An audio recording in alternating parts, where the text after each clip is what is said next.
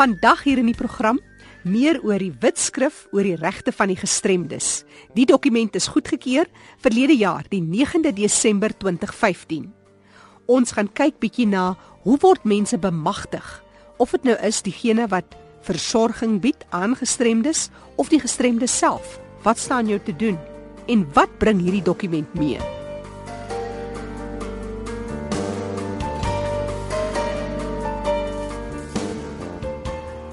Maar voordat ons aansluit by Fanny de Tooy wat meer gaan uitvind het oor die wetskrif oor die regte van gestremdes, gesels ek met Marika de Wit. Marika is die mamma van 'n seun met Down-sindroom en sy praat van die algehele houding teenoor mense met gestremthede en uitdagings. Sy vertel ons meer oor wat sy dink, die aanvaarding, die bedagsaamheid, die waardigheid waarmee jy ander behandel. Die ander kant van die muntstuk is ook net as elkeen van ons jou verantwoordelikheid besef ten opsigte van wat is jou rol wat jy kan speel om dit makliker te maak vir mense met gestremthede. En of dit nou is om nie op 'n parkering te staan wat gemerk is vir iemand met 'n rolstoel nie. Klein goedjies soos dit. 'n Ma wat betrokke raak by die sportklub, wat dit ook al is. Dis seker daai oproep wat 'n mens sou wou sien. Ehm, um, skielik wat is jou vraag nou? Ek wil eintlik weet elkeen se se rol wat jy speel. Byvoorbeeld waar hy nou in 'n hoofstroom skool was, ander kinders se rol. Net as jy sien hy het 'n moeilike dag of 'n onderwyser wat in 'n hoofstroom skool is, daai uitreiking.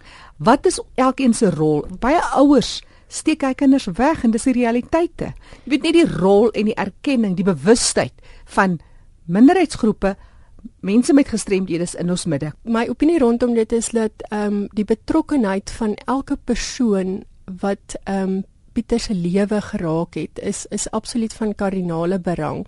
Ehm um, ek wil amper sê ehm um, die feit dat 'n skool inkoop in die konsep van inklusiewe inklusiewe onderwys laat 'n hoof inkoop en laat sy personeel en onderwysers daar daarin inkoop is is baie belangrik. En die ontvanklikheid daarvan. Jy weet mens moet mens moet ek wil amper sê ontvanklik hmm. wees vir vir ander kinders. Ek met 'n oop um, gemoed kyk na. Met 'n oop gemoed. Ons ons leer baie um, van mekaar. Um, en ek het amper legio voorbeelde daarvan wat ons ervaring was was in die skool ehm um, ten opsigte van kinders wat wat respek leer vir vir Pieter en vir sy vir sy gestremdheid. Ehm um, en dis 'n groot bewusmaking in die in die skool as sulks. Ehm um, kinders wat voorheen nie eers geweet het wat down syndroom is nie wat dink dis 'n aansteeklike siekte. Ehm um, so die die die ontvanklikheid en die die betrokkenheid van enige rolspeler wat wat sy lewe raak is is baie belangrik. Ja, jy as ouers, die vriende, die gemeenskap, jou buurvrou, ehm um, elkeen van hulle speel speel 'n rol. Dis elkeen is 'n is 'n persoon in eie reg wat wat weer vir iemand anderster kan vertel ehm um, waaroor down syndroom gaan en en en wat dit werklik is. In jou wêreld is dit nou Pieter met down syndroom, maar ek is seker as 'n ma wat leef met 'n kind met 'n gestremdheid, sou jy daai kring weier wil trek en sê vir mense wat leef met gestremthede, wat dat ons net daai verdraagsaamheid is amper uh, ek weet nie of dit respek sou wees nie, maar verdraagsaamheid kom by my op. Ja, absoluut. Ehm um, ek dit dit strek soveel wyer as net as net 'n spesifieke 'n spesifieke sindroom of 'n spesifieke geval. Ehm um, ons het almal op die ou end van die dag ehm um, ek sê altyd ons my my my siening of my my persepsie rondom dit is is jy weet ons het almal op die ou end van die dag 'n gestremdheid. 'n Party mense kan 'n mens fisies sien. Ehm um, party uh, kan 'n mens deur 'n gesprek agterkom as dit 'n intellektuele gestremdheid is en selfs ons wat onsself as normale mense beskou, ehm um, het eintlik maar ergens 'n tekortkoming of 'n gestremdheid.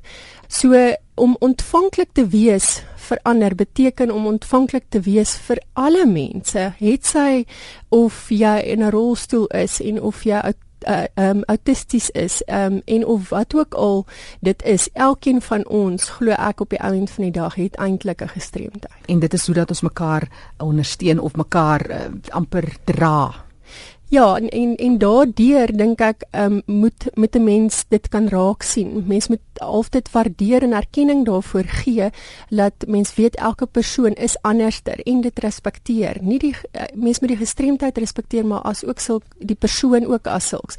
En daardeur ehm um, jy weet as ons as ons dit besef dat ons eintlik maar almal 'n gestremdheid het, kan ons mekaar se hande vat. Ehm um, en daardeur net 'n gevoel van samehorigheid ervaar. Daar's byvoorbeeld 'n belangrike aankondiging of 'n toespraak op televisie.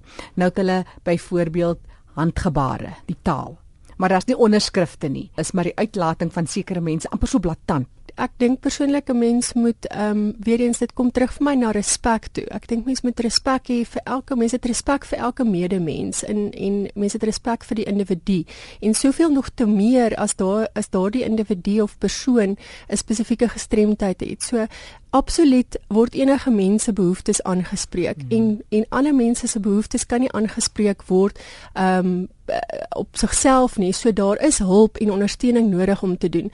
Ehm um, jy weet as jy nie ehm um, iets verstaan nie word word 'n tolk uh, voorsien um, om om om die inligting um, te verifieer in 'n taal wat jy dit kan begryp. Soveel nog te meer vir mense met gestremthede wat ehm um, byvoorbeeld ehm um, doof is of blind is. Ehm um, elke persoon se behoefte uh, moet aangespreek word. Hmm. Ons ons kan dit nie net oor die hoof bied ehm um, en en nou maar net voortgaan met ehm um, ons fokus op ons eie ek nie want ek dink ander mense se belange moet definitief in ag geneem word ja. en daar moet definitief voorsiening gemaak word. Ehm um, jy weet vir persone in rolstoele by geboue, by skole, dit is 'n baie belangrike feit, ja. ja.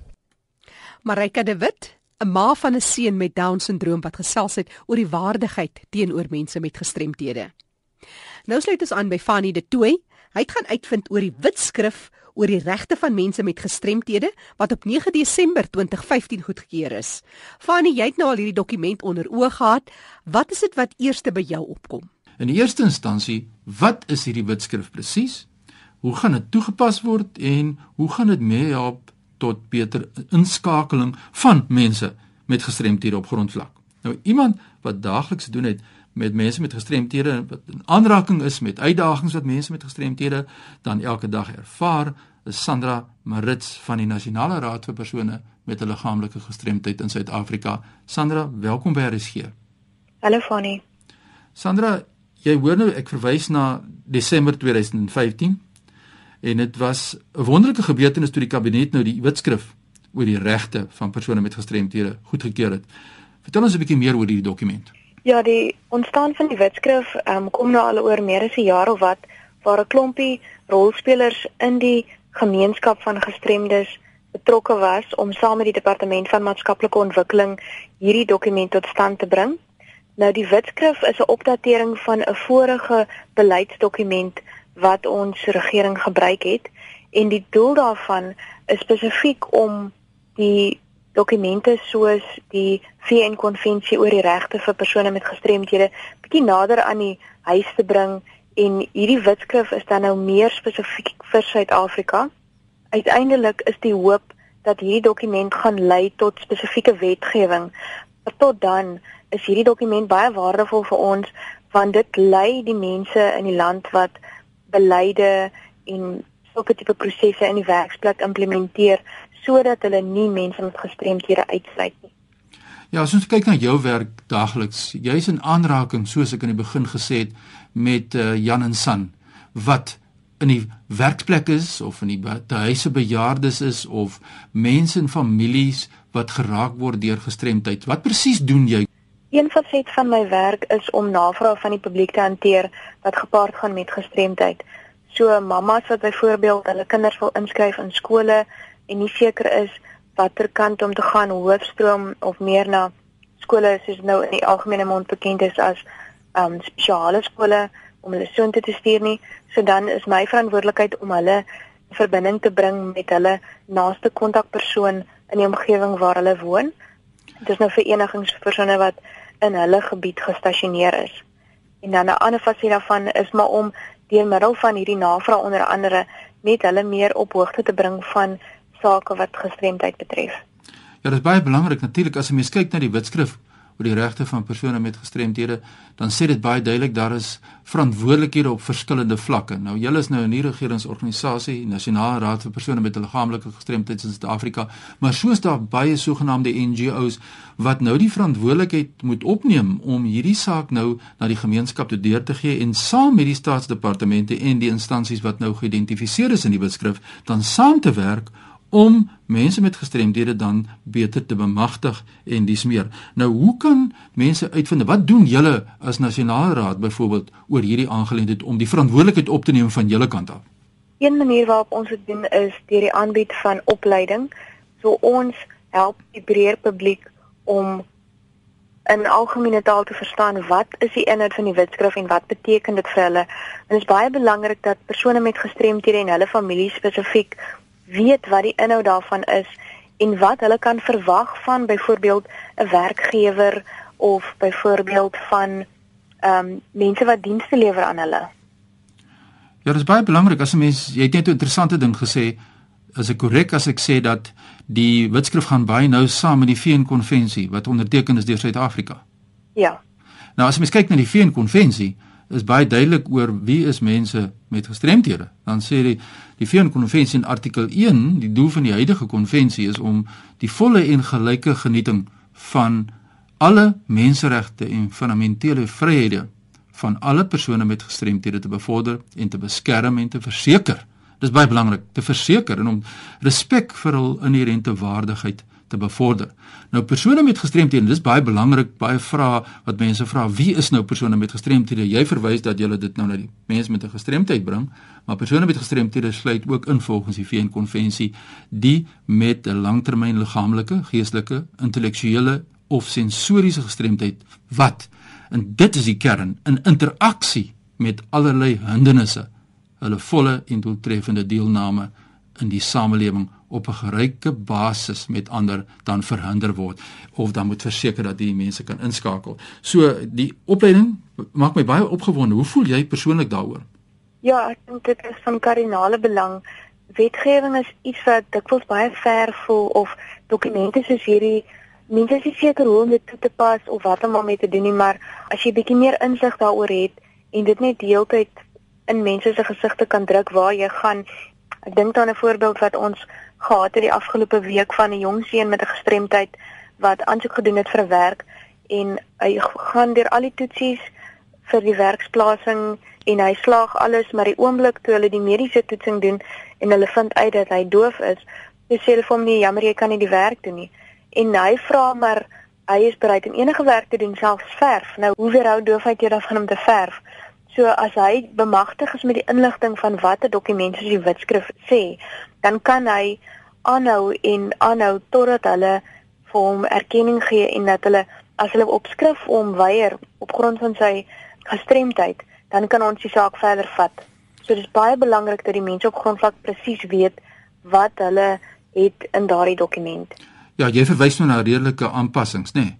Ja en wat dit dui volgens die VN konvensie op die nodige en geskikte wysiging en aanpassings wat nie buitensporige las veroorsaak nie maar wat bepaalde geval dan benodig word om aan hierdie persoon hierdie wat jy nou verwys het die genieting die of beoefening op 'n gelyke grondslag met ander mense van alle menseregte en fundamentele vryhede kan dan verseker.